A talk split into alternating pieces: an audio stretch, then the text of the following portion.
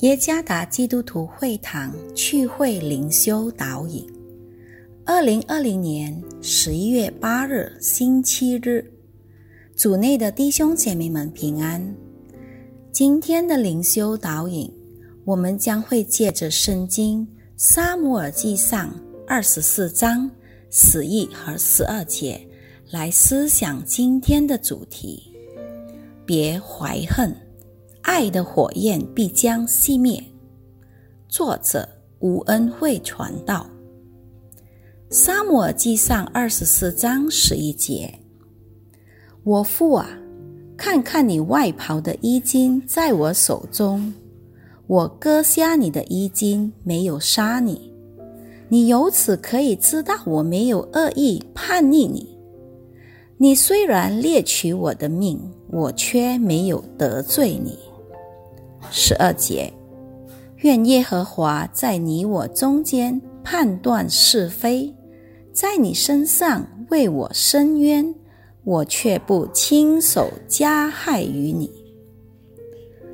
毒药通常都有它的解毒剂，同样的，我们内心里的苦毒也不例外，也是有它的解毒剂的。大卫应拥有了解毒剂。以至于他心里的苦毒也因此被除去了。扫罗败坏的意图、嫉妒以及屡次三番追杀大卫，这导致大卫的生活变得不安宁，生活的秩序也都被扰乱了。尽管如此，大卫没有被心里的那些沮丧、失望、憎恨。以及恼恨的苦毒而中毒，他能饶恕，从不以恶报恶。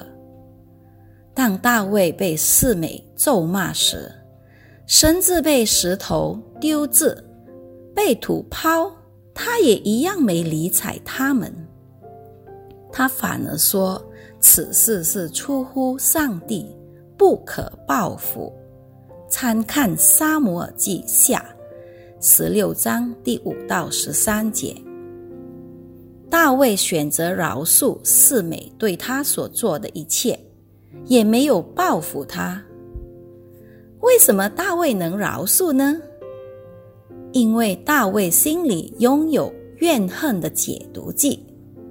第一，他爱上帝，也认识上帝。因为大卫爱上帝，所以他也爱上帝所爱的人。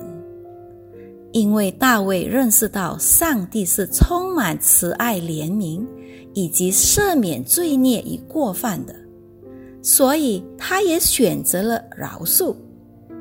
第二，他爱慕上帝的律法，就好像在诗篇一百一十九篇九十七节，大卫颂赞上帝说：“我何等爱慕你的律法！”终日不住的思想，上帝的律法让大卫明白爱的真谛以及饶恕，他也把他所领受到的实践在他的生活里。第三，他热爱祷告，我们可以从诗篇中读到很多大卫此类的祷告诗。祷告让大卫更坚强不屈和坚定不移。